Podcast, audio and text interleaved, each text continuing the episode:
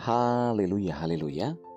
Puji Tuhan kita berjumpa kembali dalam Renungan Podcast Harian bersama saya Yudi Seda Daniel. Anugerah dan kasih setia Tuhan senantiasa melingkupi kehidupan kita. Renungan kita pada saat ini berjudul Tuhan tahu pergumulanmu. Bacaan firman Tuhan dalam kejadian 47 ayat 25 firman Tuhan berkata, Engkau telah memelihara hidup kami asal kiranya kami mendapat kasih Tuanku, biarlah kami menjadi hamba kepada Firaun. Saudaraku, meski telah mengalami perlakuan yang tidak adil dari saudara-saudaranya yang menyebabkan hidupnya menderita, namun Yusuf masih bisa mengucap syukur dan mengambil sisi positif dari setiap peristiwa yang ada. Allah telah menyuruh aku mendahului kamu untuk menjamin kelanjutan keturunanmu di bumi ini dan untuk memelihara hidupmu sehingga sebagian besar daripadamu tertolong. Jadi bukan kamu yang menyuruh aku ke sini, tetapi Allah. Saudaraku, Yusuf sangat percaya bahwa Tuhan turut bekerja dalam segala perkara dan pasti sanggup mengubah situasi dan kondisi yang buruk sekalipun menjadi berpengharapan. Roma 28, Roma 8 ayat 28 berkata, kita tahu sekarang bahwa Allah turut bekerja dalam segala sesuatu untuk mendatangkan kebaikan bagi mereka yang mengasihi dia, yaitu bagi mereka yang terpanggil sesuai dengan rencana Allah. Tuhan bisa saja bertindak dan mencegah Yusuf agar tidak masuk penjara karena Dia adalah Tuhan yang memegang kendali hidup kita. Namun, Tuhan punya maksud di balik semua itu. Ketika Ia mendatangkan kelaparan ke atas negeri itu dan menghancurkan seluruh persediaan makanan, diutusnyalah seorang pendahului mereka, yaitu Yusuf, sang yang dijual menjadi budak.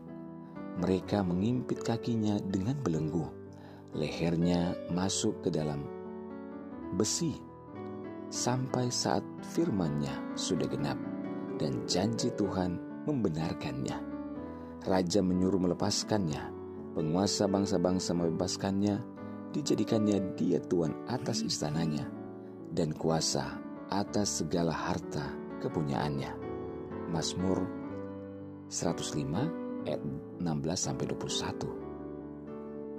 Ini menunjukkan bahwa rencana Tuhan bagi setiap kita meliputi segala yang terjadi dalam hidup kita, termasuk di dalamnya kesesakan, krisis, penderitaan, sakit penyakit, dan lain sebagainya.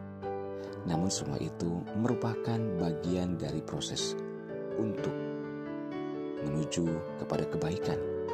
Tuhan punya rencana atas hidup kita Saudaraku, jika saat ini kita sedang mengalami proses pembentukan Tuhan, sekalipun kita sudah seturut dengan firman Tuhan, namun janganlah berkecil hati dan tetaplah setia, sebab ada pelangi sehabis hujan.